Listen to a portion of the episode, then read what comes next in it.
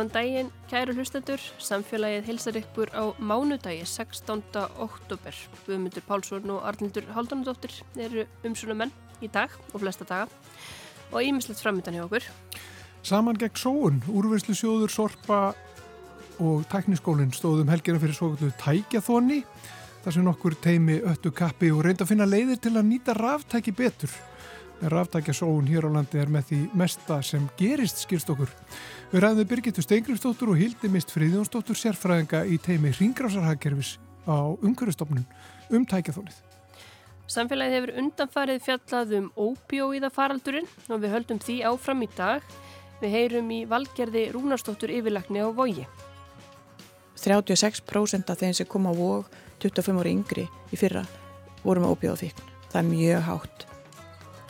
Segir valgerður Rúnarsdóttir. Og svo förum við líka í heimsók á þjóðskjálasafn Íslands. Þetta, þetta kort, sko, þetta gefur svo mikla insýn eitthvað í líf fátags bonda sem lifir á landinu. Þetta er Kjartan Richter, skjálaverður á þjóðskjálasafn Íslands. Við heyrum betur í honum á eftir. En við byrjum á tækjathónunu.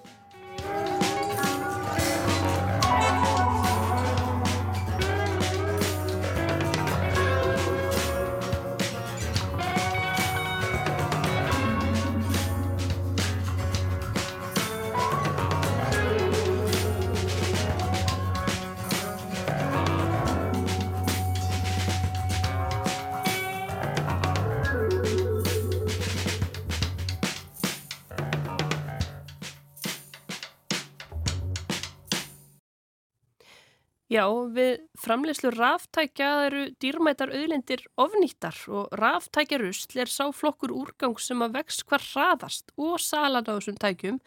Hún er með því mesta sem gerist hér á Íslandi. Við þessu þarf náttúrulega að finna lausnir og Birgitta Stengrimsdóttir og Hildurmist Fríðjónsdóttir, sérfræðingar hjá Ungurstofnun, eru komnar hingað í hljóðstöfu. Velkomnar. Takk fyrir. Takk.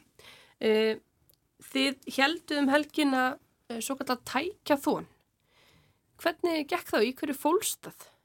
Akkurat, já, tækjathón er hugsað í rauninni sem þetta er hugmyndasmiðja um lausnir gegn þessari ráttækjasóun og það sem við vildum gera var að bjóða í rauninni bara öllum sem áhuga að hafa á ráttækjum, hvort sem það eru rafvirkjar, fólk sem er í sölu á ráttækjum, listafólk, bara hver sem er, að koma saman heila helgi, fræðast um vandamálið, læra svo í saminningu, uh, já, kannski diffka svolítið aðeins hérna vandamálin og, og, og finna svo upp lausnir í saminningu og svo skiptu við fólkinu í teimi sem þróuðu þessar lausnir áfram og kynntu svo fyrir domnemt og að endingu stóð eitt teimið upp sem síguvegari.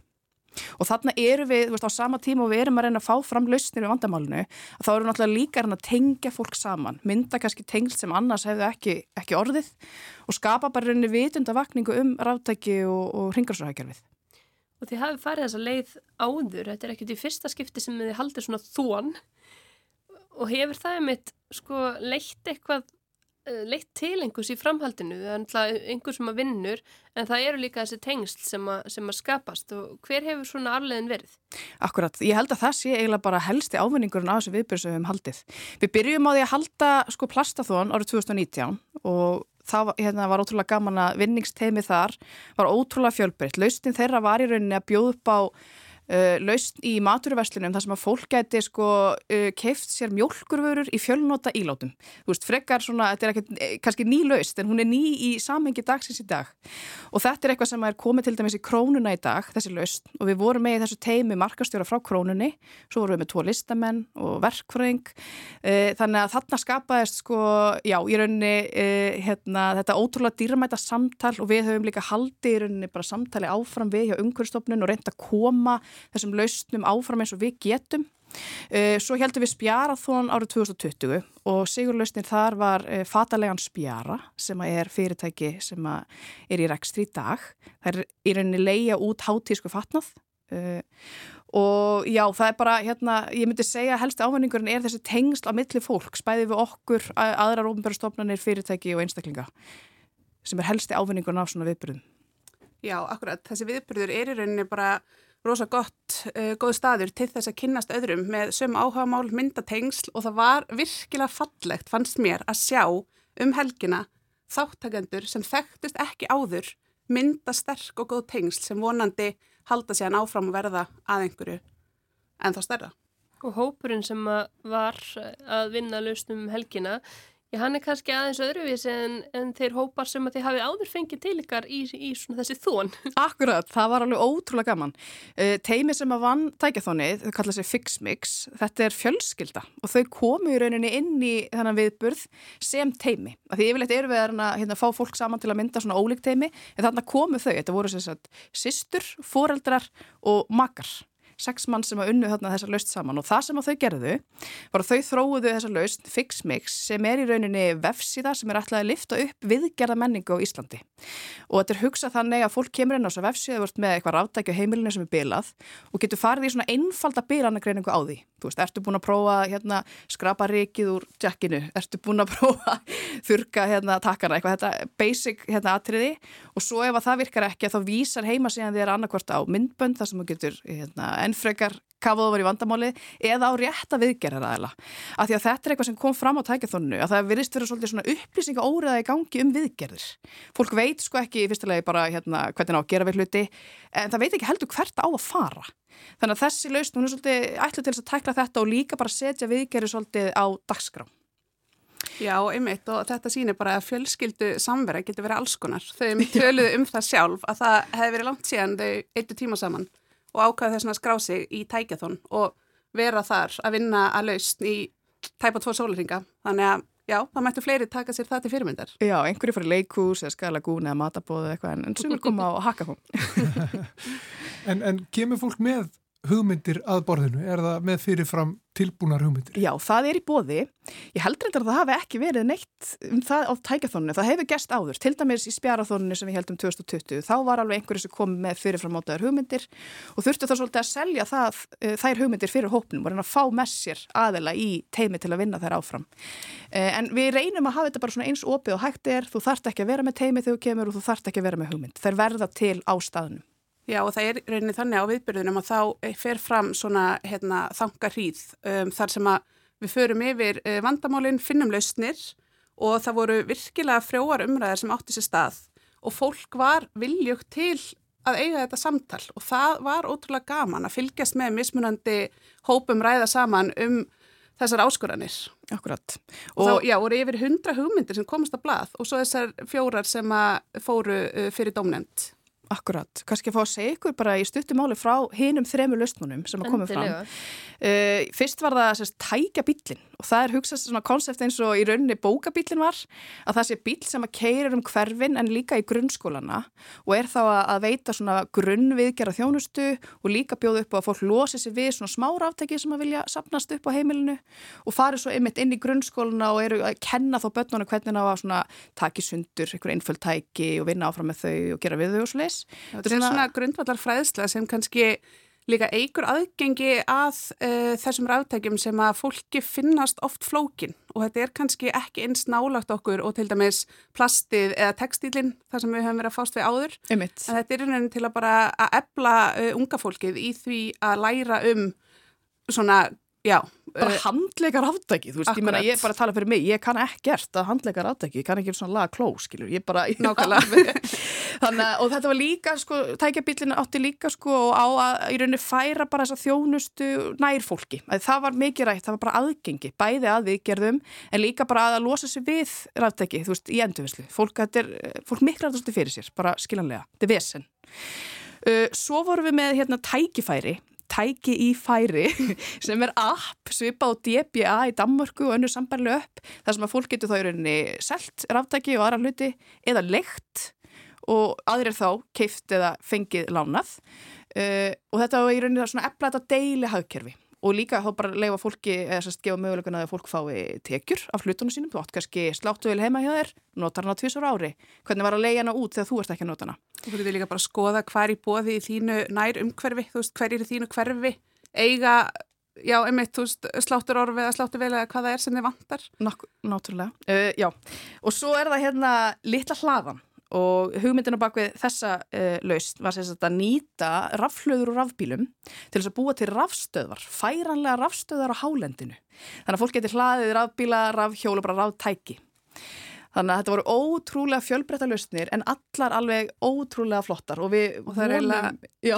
já, mikilvægt að segja frá því að domnemdin átti mjög erfitt með að velja sigur lausnina og talaði um að allar lausninar yrðu að verða að veruleika og það sem var líka áhugavert og bara mjög flott með þessar fjóra lausnir sem að voru kynntar hann í lokin að þær tengjast allar innbyrðis og þær rauninni lifta hvor annari upp. Þannig að þess vegna er svo mikilvægt að öll verkefnin fari áfram á næstu stig og þá verður þetta svona heldar, bara flott heldar útkoma sem að hérna, já, stiður undir þetta ringrásar samfélag sem við viljum búa í. Mm -hmm. Hljómalveg raunhævar, þetta hljóma er ekkert algjörl út úr kortinu, þetta getur það veruleika, svona bara við fyrstu hlustun. Akkurat. En sko tækin eru mismunandi og kannski eina ástæðan fyrir því að það er ekki gert eins mikið við og, og varir kannski bara, tækin eru líka flóknari sko. Þegar, þegar við erum með svona já, Svo svona, kostar mjög mikið ofta að láta gera við. Getur kostar mikið að meira gera við. meira jafnvel en tækið, nýtt tækið. en, en sko eitt er einhvern veginn að vera með bilaða hárþurku og það er eitthvað, þú þarf bara að reynsa eitthvað eða Akkurat. skiptum eitthvað lítið eða svoleið sko. Annar er vera bara með sko farsíma sem að gera ekki það sem hann á að gera. Mm -hmm. það lítur líka að skipta máli. Já, já, já, algjörlega. Og þetta var alveg mikið rætt. Þetta er líka bara framlegenda vandamál. Þú veist, hlutir eru náttúrulega bara eins og þú segir orðnir er alltaf flóknir og oft eru þeir bara sko hannaðir til þess að vera flóknir svo að sé ekki hægt að gera við þá. Mm. Já, en, hvað innbyggða úrælding hvað heitir. Akkurat, planned obsolescence á einsku eh, er alveg, þetta er bara risastórt kervis vandamál Já. og þannig að kannski lausninda sem við erum búin að lýsa hérna er ekki að tækla svona þessa framlegenda hlið, skilurum mig.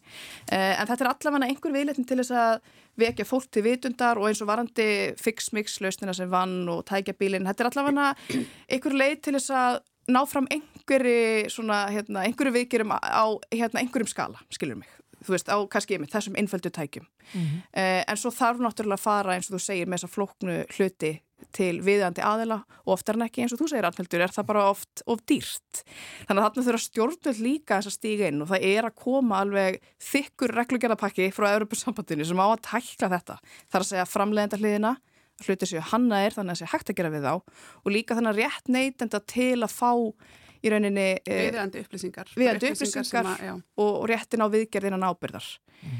þannig að við, hérna, það, er, það er alls konar í gangi og það er mikil reyfing að komast á þennan málaflokk sem hefur svolítið verið svolítið falinn, svolítið falinn umhverfistáttur allavega að mínu viti mm -hmm. Og er þetta ennþá ja, stort umhverfisvandamál og það var fyrir nokkrum árum, er ennþá að fara sko gámavís af ónýtum ráftækjum til þróunarlandana Hvernig, hvernig er staðan bara svona östut í, í þessum ráftækja sóhunar málum á heilsísu?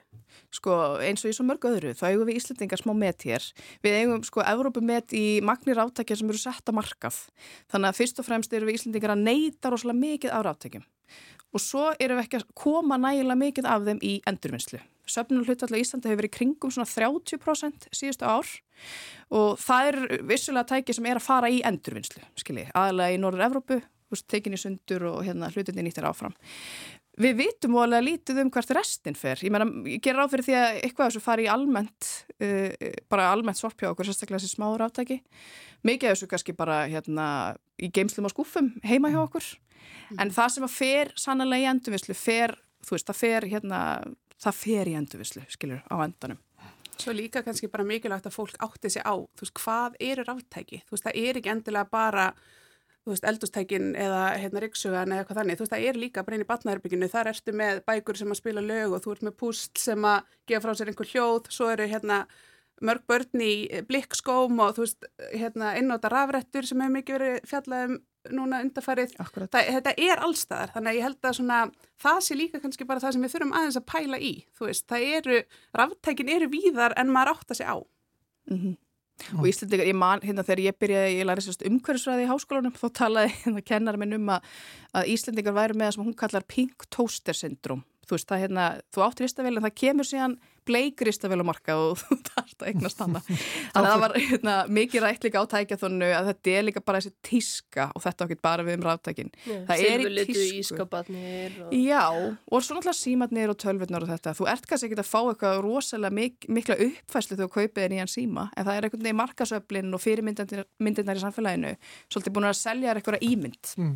að lífið veri betra ef þú átt nýtt tæki. Já, og svo kostar þetta sitt og þá kannski tími fólk ekki að henda því þó að sé aðeins spila, það syngur hún í skuffu og svo fer það inn í skáp og svo fer það hún í kassa geimslu. Er betra að koma sér viðgerð og ef það eru farvegi til staðar og það er frábært ef að fólk getur fundið mitt, farið inn á fixmix.is eða hvað það verður þegar að vefsegðum eru komin í loftið og fundið leiðir til þess að aðeins framlengja í framleika lífið og svo líka bara gott að benda að það eru leiðir, þú veist, ef maður bara sér ekki nót fyrir tæki, að þá er alltaf hægt að koma þeim áfram eins og til dæmis til góða hyrðisins eða Abissi eða Hertex. Það er rauninni svona endur nýtingarleiðin og líka bara markastorkin og Facebook bland, það er einhver leið til þess að koma þessu aftur í nótkunn ef að tækin virka en svo alltaf að skila öllum ráftækjum á endurvinnslu stöðvar og það kostar ekki neitt að losa sig við ráftæki í endurvinnslu. En svo eru líka bara litlar eh, persónulega breytingar sem geta skipt og svo miklu máli. Eins og bara það að nota síman sinn tvefall lengur, þú veist ekki kaupa nýjan síma annarkvært ár,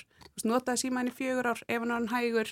Eitt út myndum, þú veist skipta út einhverjum öppum sem þú hefur ekki notað þú veist síðustu sex mánu eða eitthvað, þannig að þú veist það er líka þetta sem við þurfum bara aðeins að, þú veist, kíkja bara á okkar Uh, já, bara hvað við erum að gera, breyta viðhorfum og, hérna, og, það, og það er hægt að gera rosa margt með bara svona litlum hugsanar breytingum í rauninni. Takk hérlega fyrir að ræða þetta við okkur og segja okkur frá þessum spennandi hugmyndum Birgitta Stengursdóttir og Hildur Mist Fríðansdóttir, sérfræðingar hjá Ungurstofnun. Takk fyrir okkur.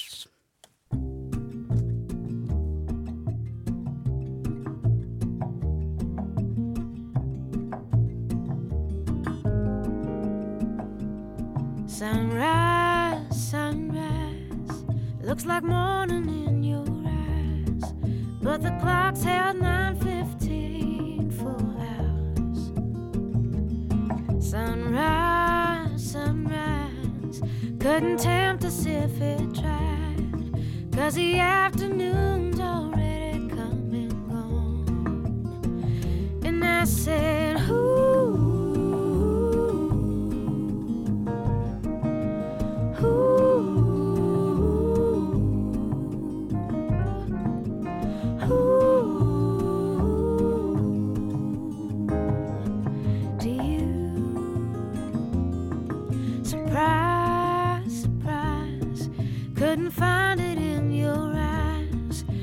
Sure it's written all over my face. Surprise, surprise, never something I could hide. When I see we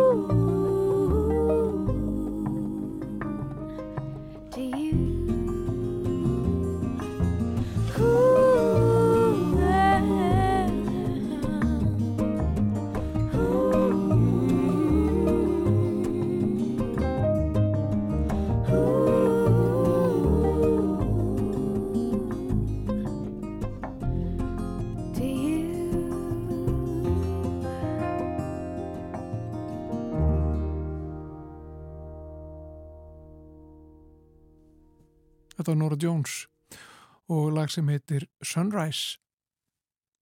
Undarfarið í samfélaginu þá höfum við aðeins verið að fjalla um ópjó í það faraldurinn og þá sérstaklega í framhaldi af þætti fréttaskýringa þáttarins Kveiks. Og við erum núna búin að tala við Svölu Jóhannsdóttur sem að fjallaði um skadamingun, hún er í forsvari fyrir skadamingunar samtökin eh, Mattildi og svo rættum við við Ingur hann Jónsdóttur rætti svona sína reynslu af þessum heimi, hvernig harkan hefur farið vaksandi og eins sínar uh, tillögur og sína framtíða sín og hvernig mætti gera betur hér. Og núna er hinga komin Valgerður Rúnastóttir, frangatstjóri lækninga á Vogi velkomin í samfélagið. Takk fyrir. Við ætlum að þess að ræða bara stöðuna, kannski fyrst. Hvernig blasir staðan við þér? Er þessi aukna harka í fíknefna heiminum að byrtast ykkur mjög skýrt á, á vogi og finnst ykkur að hafa næg úrræði til þess að bregðast við? Um, já, það, sko ef við erum að tala um sérstaklega þá óbjóða fíknina og neistluna að þá höfum við séð virkilega mikla aukningu og það endur speglast í hjá þeim sem koma til okkar. Og þessi hópur sem notar óbjóða hann er illa stattur, hann er verð stattur félagslega um, og hann þarf að koma uh, oftar, en sagt, 40% þeirra til dæmis sem að komu út og óbjóðfíkni fyrra til okkar 40% þeirra komu aftur innan árs á vók þannig að þeir hafa gott aðgengi að okkur en þurfa sagt, mik mikla þjónustu. Og þjónustan uh, hjá okkur er bara eitt hluti af því sem þeir þurfa að sjálfsögðu, það koma margir að þeirra málum en við svo sannlega sjáum aukningu á uh, vandanum og höfum uh, líst því alveg síðustu já, 20 árin en það er sérstaklega síðustu 10 árin sem þetta hefur aftur aukist á Íslandi með tilkomu aukina neyslu og oxykontín kontalgin er þannig ennþá og það eru önnur aðrir ópjóðar. Það er mikið talað um að veruleikin sé að breytast í bandaríkunum og það hefur verið ótrúlega mörg döðsföll hér á þessu ári. Sko þú talar um, um að það hefur versnað síðustu tíu ár. Finnur þá ekki fyrir neinum kúf núna? Já þetta er bara jáft og þjætt hefur verið að aukast. Kanski erum við meira að sjá líka afleggingarna af því að algengið er meira af þessari neyslu og Eh, þetta sem hún lýsir í bandaríkjunum hefur auðvitað verið líka í langa tíma, gríðaleg aukning á döðsfellum vegna óbjóða, hundrað á dag sem degja þar og, og, og það er ekkert lát á því. Og hjá þeim hefur, hefur einmitt eh, hafa döðsfellin verið fyrst og fremst og aðalega vegna þess að innflutta fentanils við höfum ekki fengið það hingað Um, nema kannski ykkur, ykkur hafa komið ykkur eitthvað smávegis en þetta er ekki allavega eitthvað landlægt sem betur fer. En uh, meðferðin við því að hvernig á að takast á við þennan vanda það eru auðvitað hérna, allur heimurinn að fást við það. Og uh, það sem að er mikilvægt í stóri myndinni hvernig maður tekur á móti svona uh, mikil aukningu á óbjóða fíkn, það er að nota alla leiði til þess að nálgast einstaklingin sem er í þessum vanda. Og það getur oft verið erfitt að því að fólk er ekki kannski endilega sjálft að leita aðstofar til að byrja með uh, og aðstandendur alveg viti sinu fjæra af, af óta eðlilega vegna þess að þetta er hættuleg neysla. Þannig að fyrsta skrefi þar er hvernig maður nálgast fólki í þessari stöðu og þá skiptir rosalega miklu máli þessi skadamingandi nálgun og áfalla miðaða nálgun sem að eru auðvitað það sem að hérna, velferðarkerfi í dag notar á Íslandi. Oft þarf að mæta fólki bara þar sem þau eru stödd á eh, sínum slóðum en, en þessi nálgun, hún, það sem hún þarf að geta gert er síðan að taka við einstaklingnum inni í velferða þjónstuna þegar að er búin á eh, sambandi við einstaklingi þannig að sé hægt að, að hjálpa honum þegar að hann hérna, vil þykja hjálpina og sér eitthvað eru glufi í því að vilja fá betri lífskeiði að þá verður að vera það sem teku við, verður að standast og mér finnst það vera kannski brínast hjá okkur hérna á Íslandi að vandi upp á það að það sé tryggt að þau kerfi sem að eru að sinna þessum hópi alla daga eins og segjum velferðarsviði Reykjavíkborgar, landsbytælum með bráðamóttök og getild, S.A.A. með vóg og göngutildina að það sé tryggt, að það sé aðgengi og það sé hægt að fá þjónustu þegar að þörfin er mest. Mér finnst það kannski vera mikilvægast og við erum alltaf að vinna að, að þessu sama að mæta fólki þar sem það er statt og meðferð til dæmis við fíkn er ekki andstæða skadamingunar. Það er skadamingun í meðferð við fíkn, er hluti af því og það er mjög oft og bara yfirleitt sem að að, sem að hérna, bati frá fíknsúkdómi kemur í áfengum. Það bara gerist alltaf þannig. En og, ef við tölum aðeins um, um aðgengi og þá kannski fyrst bara það að komast í meðferð þegar að, þegar að fólk vill hjálp. Eh, það er talað um að það sé oft margra mánada byggð. Það er þannig að allavega við töl, tölum bara um aðgengi af vogi sem er bara þá ein, ein af þessum meðferðum en hún er kannski líka stæst á Íslandi, við sinnum lang lang flestum. Þar er aðgengið um, fyrir þennan hóp uh, betra heldur en fyrir flest aðra og, og náttúrulega allir sem eru 25 ára yngri, þeir, þeir fara ekki á byggð, þeir eiga að fá tíma hjá okkur innan tökja vikna. Þannig að við höfum haft það núna undarfarin ár, alveg upp í 25 ár og það er einmitt hópurinn sem að óbjóðafíknin hefur aukist mest hjá. 36% af þeim sem kom á vóg 25 ári yngri í fyrra voru með óbjóðafíkn. Það er mjög hátt.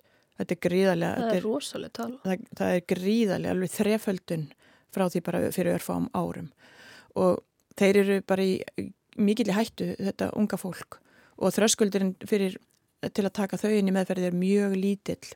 Og, og hvað er, þýðir það að taka þau inn í meðferð? Það er að segja þau sést til, til að taka inn í, inn, í innlögn og sjúkrási vóg og, og innlögn og sjúkrási vóg er ekki bindindis meðferð og það, það er mjög langt frá því. Það er það sem hefur verið svolítið umræðinu, sko, hvort að það sé krafa að fara í afeitrun til þess að fá aðgang að viðhalds meðferð. Hvaða kröfur eru gerða til fólks í meðferðinni þegar það er komið inn í meðferð?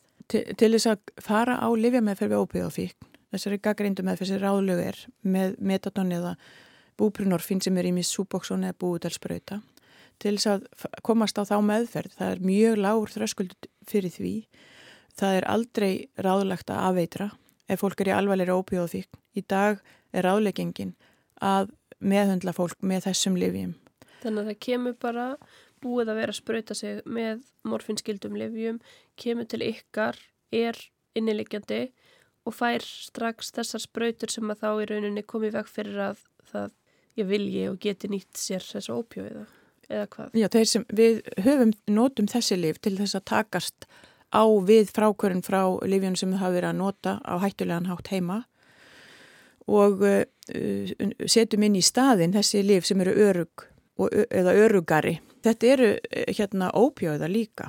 Þannig að ef einhver tekur það sem er ekki vanur ópjóðum þá myndi hann verða mjög þreyttur. En búprunorfinnið er þannig lif að það er mjög ólíklegt að deyja úr ofsköndum af því að því það er þak áhrif svo kvöldið á virkninni. En metadón er, er hættu meira vegna þess að þú getur ofskamt af því og dái af því. Þú kemur í vekk fyrir þessi frákvarf eða frákvarsengjani en víman, þú færð ekki vímuna. Einmitt, þetta er lif við óbjóð fíkn þannig að þú færð ekki frákvörf og þú færð, uh, uh, færð finnur ekki frákvæðsenginni og þetta líka tekur uh, mingar fíknina og þetta er, þetta er, þetta er hérna, mjög góð lif, við eigum ekki svona lif í neittni annari fíkn, þannig að þetta er mjög góð meðferð sem við höfum við óbjóð fíkn, þessi livja meðferð en hún, hún er náttúrulega ekki dugar ekki ein og sér. En stundum eru við bara að gefa eina og sér þessa lifameðferð af því e, fólk er kannski enþá í annari výmöfnuslu og þessi lifameðferð sem byrjaði hjá okkur árið 1999 hustið þá, hún hefur staðallegutu síðan og þróast og breyst. Og síðan kom þessi góða e, búvitalsbraut þessi við og skjólstæðingar okkar er mjög ánaði með og eru er forðalif búbrunorfins í einn mánu þannig að þú þart ekki að hugsa um töflu eða taka töflu og ert með e, óbjóða viðtakana blokkaða þannig að þú e, ert ekki að fá vími áhrif ofan á með því að nota meira efni. Þannig að það tekur þessa þrá ekki gagvart óbjóðanum og getur gefið tíma til þess að hugsa um hitt og, og, og þó heldur áfram í vímefnunislu þá heldur áfram á þessari meðferð. En smátt og smátt flestir vilja meiri lífsgæði og, og fá meiri tækifæri til að taka þátt í sínu eigin lífi, hitta börnin og foreldrana og fara í vinnu og svo framvegis að, að flestir vilja komast út úr neyslu eitthvað tíman á, á leiðinni en það er engi fyrirstaða að fara á lifameðferðina þó að sért í annari vímöfnislu. Þannig að Já, fyrir maður sé fyrir þetta, það er ef þú ert yngri en 25 ára, 25 ára yngri, þá getur þú komist og oftast freka fljótt inn í meðferð, en ef þú er uh, ekki tilbúin að leggjast inn á vóg, þá getur þú samt fengið þessa meðferð, til dæmis í formi þessara forðarsprötu. Já, það er, það er aðdraðandi að, að ég fara á sprötuna. Það þarf auðvitað að vera alvarlegu vandi sem að augljóslega eh, er bóta að fara á meðferðina við að þá getur fólk fengið áframhaldandi meðferð í, frá, í göngutildinu frá okkur þar að segja að þetta ekki þurfa að leggjast inn á vók. Það sem er bara, uh, gerir þetta allt saman léttara er að, að koma inn á vók þó ekki nema nokkra daga til þess að við getum séð hvaða skamtur er hæfilegur. Við stillum það inn mjög fljótt og þannig að best er að koma allavega inn í innlögnu í nokkra daga en það er líka hægt að gera þetta á þess að leggjast inn.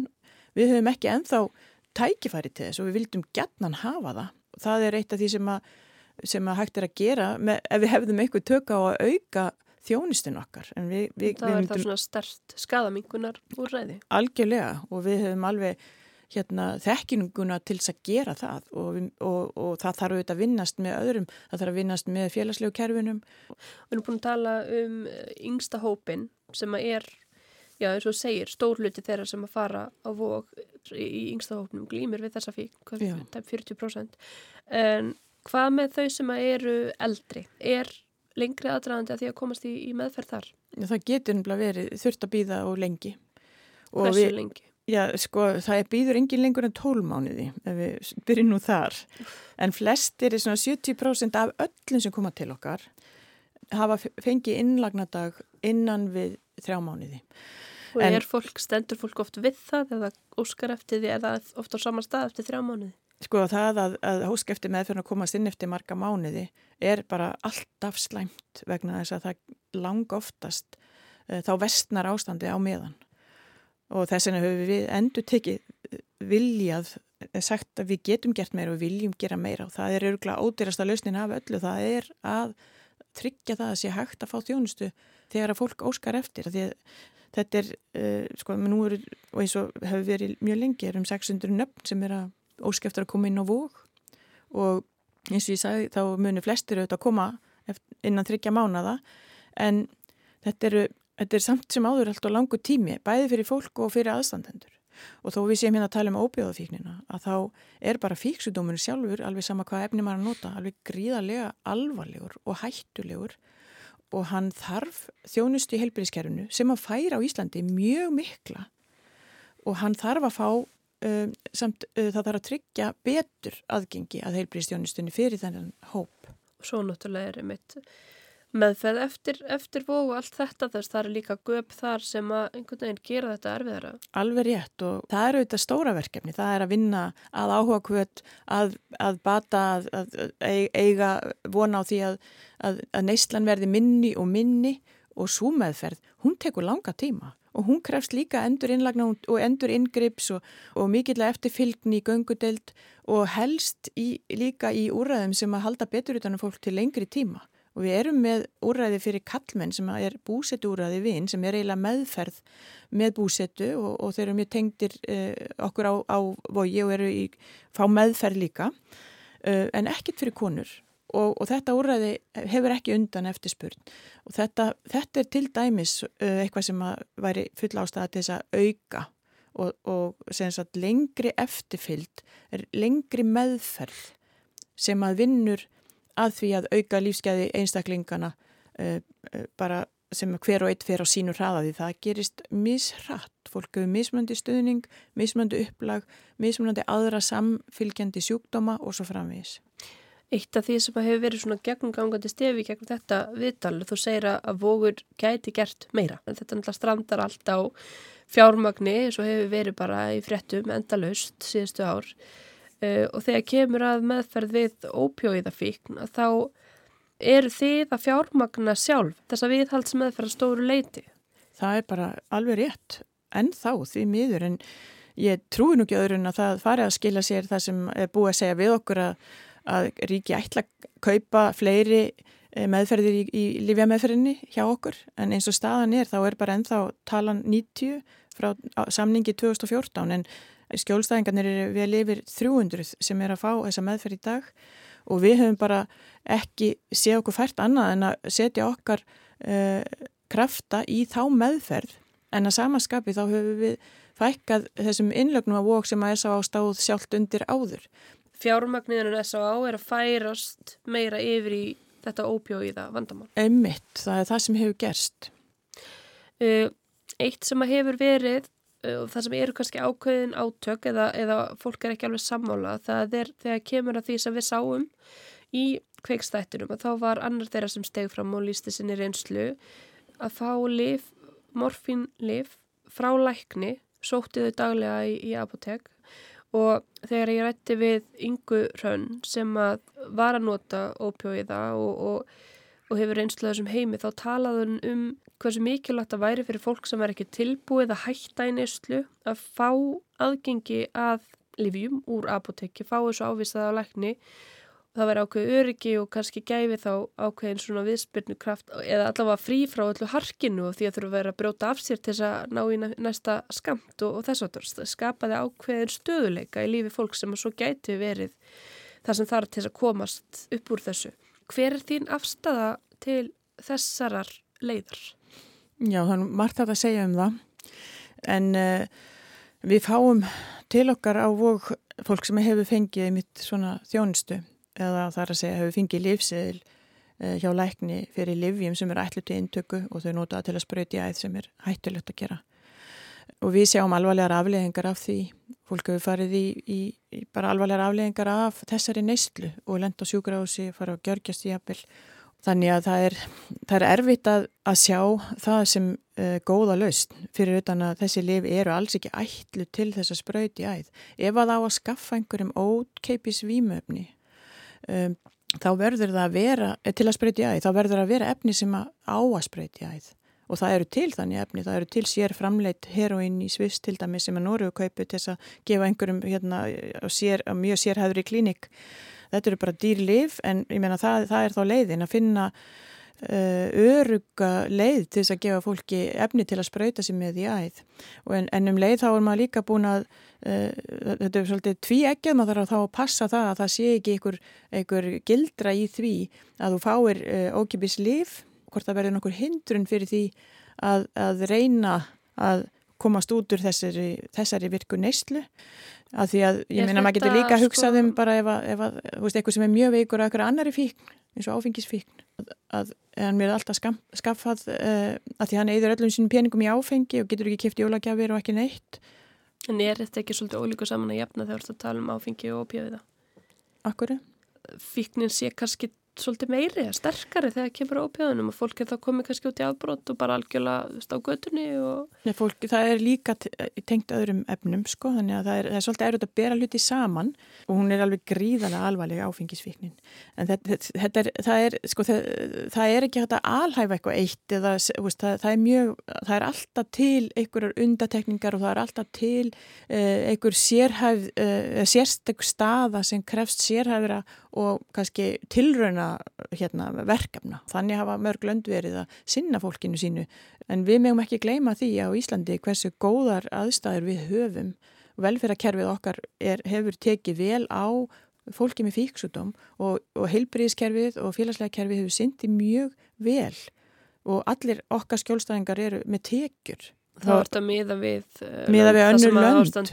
Já alvarlegra. Við, við hefum alltaf haft gott aðgengi á nálum og spröytum sem er alveg einstakt frá alveg bara frá því HVV faraldurinn byrjaði. Sumlönd eins og Svíðjóð þá banna að kaupa spröytur þar í apotekum, gríðarlegu vandi og þeir eru að stimpast við að koma nálaskiptum inn hjá sér með miklum fordómum. Þannig að Við erum ekki þar, við erum bara miklu betri stað. Bráðamáttökan sinnir öllu þessu fólki. Gjörgjæslan á Íslandi, hún tekur fólki sem er með, með alvarlega afleðingar af, af sprautufíkn. Ekki spurning. Gætildin er opinn líka. Og svo meðferðin sem, að, sem að er hjá S.A. allt þetta er heilbríðstjónista sem er mjög opinn. Reykjavíkuborg hefur lift grettistaki, staðið sér ótrúlega vel og sambandi húsnæði og sér þjónustu fólk sem er í, hérna, með, í erfiðum aðstæðum og gisti skilin og allt þetta, þetta er alveg gríðarlega mikið sem þeir hafa gert sem er, sem er hérna, mjög mikil mannúð í og mikil velferð miða við það sem aðrir er að bak, baksa við og við megum vera þakklátt fyrir því að passa að missa ekkit að þessu nýður þó að megi auðvita gera betur.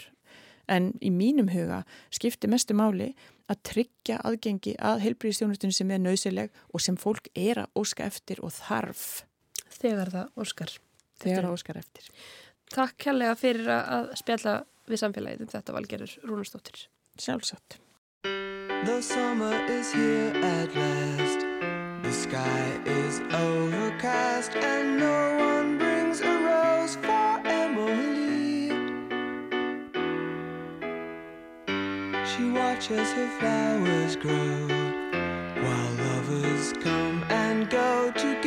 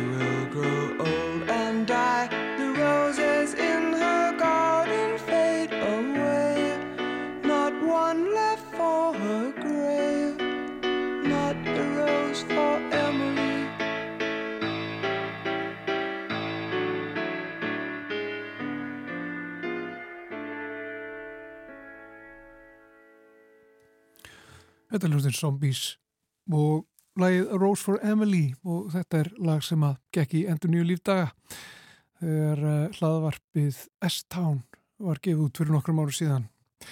Við menn eftir að heimsækja þjóðskjálasafnið gerum það eftir smástund fyrst er það málfarsmínúta.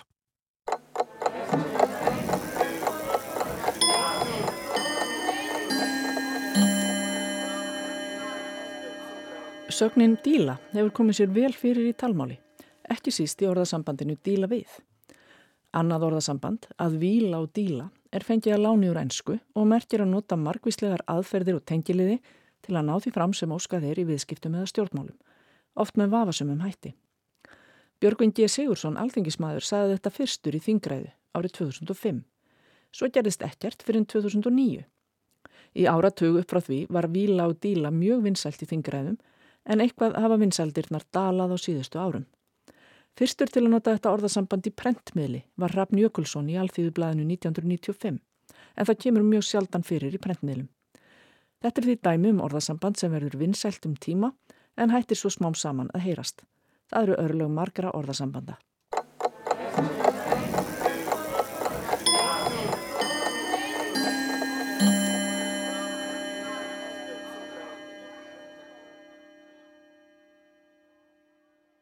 Ég er komin á þjóðskjálasafni Íslands sitt hér inn í fundarherbyggi eins og svo oft og horf hérna á esjuna át og glukkan og það er ekki leðilegt, það er ekki slemt útsýni híðan frá þjóðskjálasafninu og hér hjá mér situr Kjartan Ríkter skjálaförður með kassa. Og í þessum kassa eru ímiskjöl, bref uppdrættir ímislegt Þú hefur verið að skoða hérna daldi, daldi sérstatt mál uh, undafarið og það tengist er það ekki uh, máli sem er í gangi núna sem að tengist óbyðanemnd og, og því sem við höfum nú rætta áður hér við ykkur hér á þjóðskjálarsamnu. Jú, jú, það passar. Þetta er sem sagt var í gagnaöflun fyrir óbyðanemnd, fyrir landsvæði, aust fyrir því og þetta er sem sagt frá ábúandanum á Klettingsnesi um miðja 19. öld og hann hérna stóð í, í landaþrætu og hann gerir þennan uppdrátt og skrifar bref og fær uh, menn með sér í lið þannig út af þrætustykki, svo kalluðu, eða þrætulandi við uh, Skúla Björnsson í Brúnavík. Og er langt átt á milli þessara, þessara bæja? Þetta er, það er ein jörð á milli og um þá jörð stendur þrætan. Það er sérst Kvalvík. Og Glettingsnes er mjög lítið og það er lítið beitarland og að öllum líkið þurr snýrist þrætan að einhverju leiti um beitarland. Skúli Björnsson flýtur þarna á, í Brúnavík á eftir Benóni og áður hafði Benóni fullan rétt til að nýta þetta landsveði en skúli sem sagt, hann kemur hann og neytar honum um það. Og upphefst á mikið þræta en við erum reynda bara með hlið Benónís. Við vitum ekki ástæður þess að skúli stóði þessari þrætu. Við vitum að Antmaður hann, um, hann var þreytur á honum. Hann sem sagt Benóni leitar til Antmanns um aðstöði þessu máli. Og þá, þetta kort sendir hann til Antmanns og hann er búin að fá menn hlýðhólla sér bara, menn sem eru með honum í liði til að skrifa undir og staðfesta þennan rétt sem hann hafiði til að nýta landið.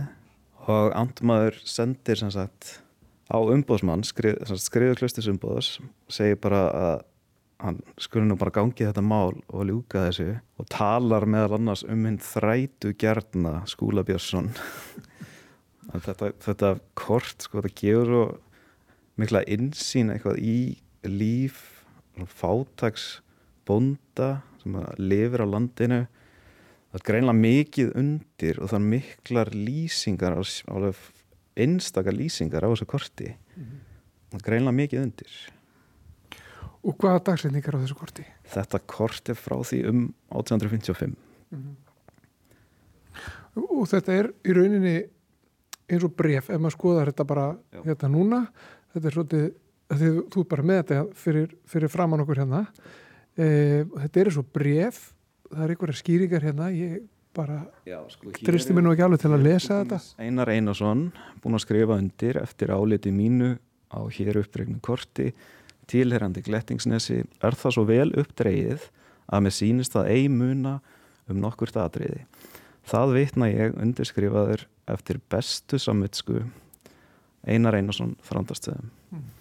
Og hann er að vota það að þetta sé rétt Já. uppdreið. Já. Svo er hérna svona yngangur eða ekki Já, skýringar. og skýringar. Svo er uppdrátturinn, hann er mjög nákvæmur, mjög nákvæmur. af staðháttum hann og skýringar sko skrifaðar inn á uppdráttin eða inn í teikningur eða eitthvað og bara útskýringar sem fylgja öll örnefni næstu bæir eða jarðir sem eru aðlikjandi og það er hérna uh, fjöll og tindar bara uh, ég er búin að skoða korta svæðinu. Þetta er, virkar mjög nákvæmt. Ég ætla ná ekki að fulla um hlutföllin. Mm -hmm. en þetta er alveg og þetta eru sker líka. Sjáum hérna æðarsker, röðarsker og svo er búið að skrifa inn á eins og hérna sko gras, grasklauf sem skúli vill eiga eða eigna sér. Já, já, já. og það er sem sagt í Kvalvík og það getur hendað uh, sem beitaland þar sem að það er á skórnum skamti bara hver, hver einasti fermetri nánast er nýttur hann og mjög lítið mitt sko, áglættingsnesi sjálfu beitalandi mm. þannig að uh, Benóni hefur eflaust uh, nýtt sér kvalvíkina undir beitt og en svo er líka minnst á rekamörk svolítið. Og það er spurning hvort að, að það sé annað sem er undir sko, reki alltaf bæði verið rekaviður og kvalreki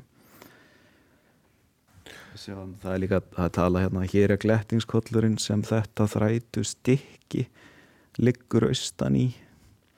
Mm. og þú sér mjög ítalega lýsingar hérna. Og hvaða fleiri gögn eru til í þessu máli þá? Þetta er, þetta er nú vantarlega svona hvað er að segja, svona ítarlegasta gagnið eða hvað? Já, og svo eru hérna bara ímis bref frá, flest frá mannum uh, sem eru hliðhóllir Benóni og það er fyrrum, meðal annars fyrrum ábúandi í Brúnavík sem að vottar það þegar að Benóni átti heim í Kvalvík þá var, hvað maður að segja, það eru bara bestu grannar. Það var, var aldrei neitt, neitt þræta á milli. Og hann vottar það líka það var þannig hjá fyrri ábúandum og það er, sast, það er ekki fyrir hann að skúli flytur þarna í Brúnavík sem að þetta verður eitthvað mál En það var, það var samt búskapur í Brúnavík ára en hann kom. Já, það var það En Kvalvík sem er hægt á milli, hún var í eði. Já, Kvalvík hafði verið í eyði nefnilega bara frá upphafi átjándu aldar. Hún, hún hafði leiðið eyði yfir hundra ár sannlega þegar að Benóni flytur þar. Og ég er sérst að, kynna mér svolítið sögu Benóni, svona ótrúlega merkilegur karakter. Og hann flytur sérst í Kvalvík með konu sinni, tekur upp búskap þar og ég er sko í heimildum, ég mér saður, öreigið, fátaklingur og hún kasóli eftir að þið flytja þarna og ekki þau er ekki búin að byggja að henda bara upp einhverju tjaldi og hún ólétt á tvíburum og meðan að hann byggir þeim búð þarna og, og þau eru í tíu ár þar að hann er flytja í Klettingsnesið. Og sennilega sko með að við, að við þennan uppdrátt þá hafa þau flutt ákað sko það er betra að koma bátum Já. að og frá. Já. og þau hafa væntanlega flutt til að eiga að, að, hvað sem er betra með að sækja sjóin og það hefur komið sko í heimildum er uh, hann nefndur í rauninni uppfinningamæður og mjög uppátækja samur og uh, meðal annars á hann að hafa útbúið róður að kalla og svona mun hafa verið svona uppfinning þannig að hann geti einn róið og á mótunum róðurakall velrætin, já, já. Við, þessi uppfinning er ekki sast, þetta er ekki til það hefur bara glatast í tímanar ás en það eru fleiri en ein heimild fyrir þessu. Meðal annars frá batna, batna, batni hans og samtíma manni hans sem hann saði frá þessu.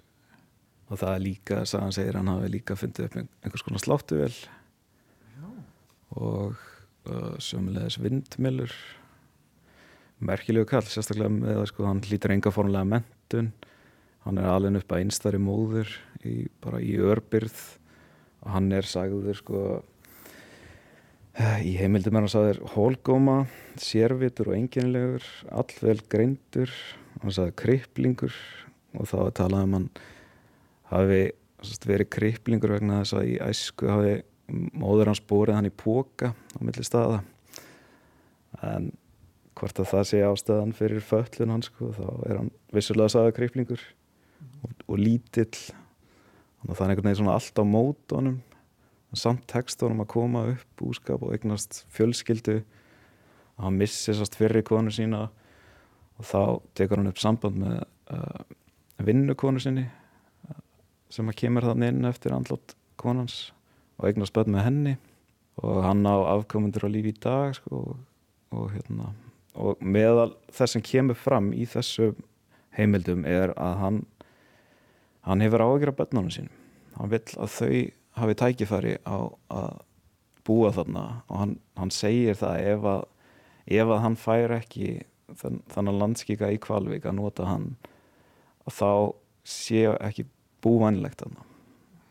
Og hann tekur það sérstaklega fram hann er að hugsa um börnum sín og þannig að þau geti búið áfram á landinu sem þau og gerðu eftir það hans sko. og skúli, þetta, þetta mál svona einhvern veginn dettur upp fyrir skúli flytur þarna með fjölskyldið sinni úr Brúnavík um 1860 hvort það var 60 eða 61 þannig að það er fimm áram eftir en hann uppdrátt og þetta þrætumál sko. en það er aldrei neinn nýðust í þessu máli þannig að það má gera ráð fyrir að það hafi bara leist, jafnveg leist sér sjálft bara bara, henn þrætu getni skúli já. flutti. Já, í rauninni. Og hann, hann hvort að hann deyr svo bara eina ára eftir hann flutti og svo deyr Benóni sjálfur um 1866 held ég úr sótt. En uh, sonur hans Magnús uh, býr þarna áfram og sýstir Magnúsar, hans dóttir Benónís og hann brandþrúður. Stórmerkilega nafn eina manneskinn sem heitið þessu nafni og hún býr hjá bróðu sem til að er rauninni þangað til að hann deyr. Og hvort hún flýtur svo með börnum eða batni, elsta batni Magnúsar og býr hjá þeim. Þetta er greinlega mjög svona samheldin fjölskylda. Og þú ert búin að vera grúska í þessu og þetta er svona dæmi um það einhvern veginn er það ekki þegar að þegar að það er ráðist í einhverja rannsókn vegna og þannig þessu tilfelli er þetta óbyða mál eða sem það er eh, áverið að rannsaka rannsaka eignarhald á, á jörðum þarna í gegnum tíðina þá dúkar upp eitthvað svona og þarna er bara mikil saga. Já, heilmikið saga og hérna það var eitthvað við þetta kort það var eitthvað við nafnið Benoni, það var alltaf indislegt nafn og brefin sko að lesa bara það sem hann hefur skrifað svo mikil einhver, einhver ástriða í þessu. Og það fyrsta sem ég hugsaði var bara að þetta væri svona hálfgerður röflari eitthvað. En um leið að við fórum að kynna mér hann betur og bara ég, heitlaðist alveg af hann sko. það hefur verið svolítið skrifað um hann og ekki mikið af heimildum en þó eitthvað. Og þetta er bara mögnu saga. Og þetta er svona einsinn í annan tíma. Fólk lifði af landinu og miklu nátengdara landinu. Já, bara þraut, saga þraut sig og það eru kannski margar sögurnar hérna sem leynast honni í korsum Já. og upp í hillum og honni í skúfum einhvern veginn sem að e, á, eftir að koma í ljós kannski. Já, ekki spurning. Það er heilmikið heilmikið sem á þetta að skoða. Mm. og þetta var reyn bara tilviljun að reykast á þetta. Um, og náttúrulega í gagnaöflun fyrir óbeðanönd en það er Kvalvík vist undir þar Ríki gerir vist kröfu í Kvalvík Já Þrættust ekki? Já, já, þrættust ekki.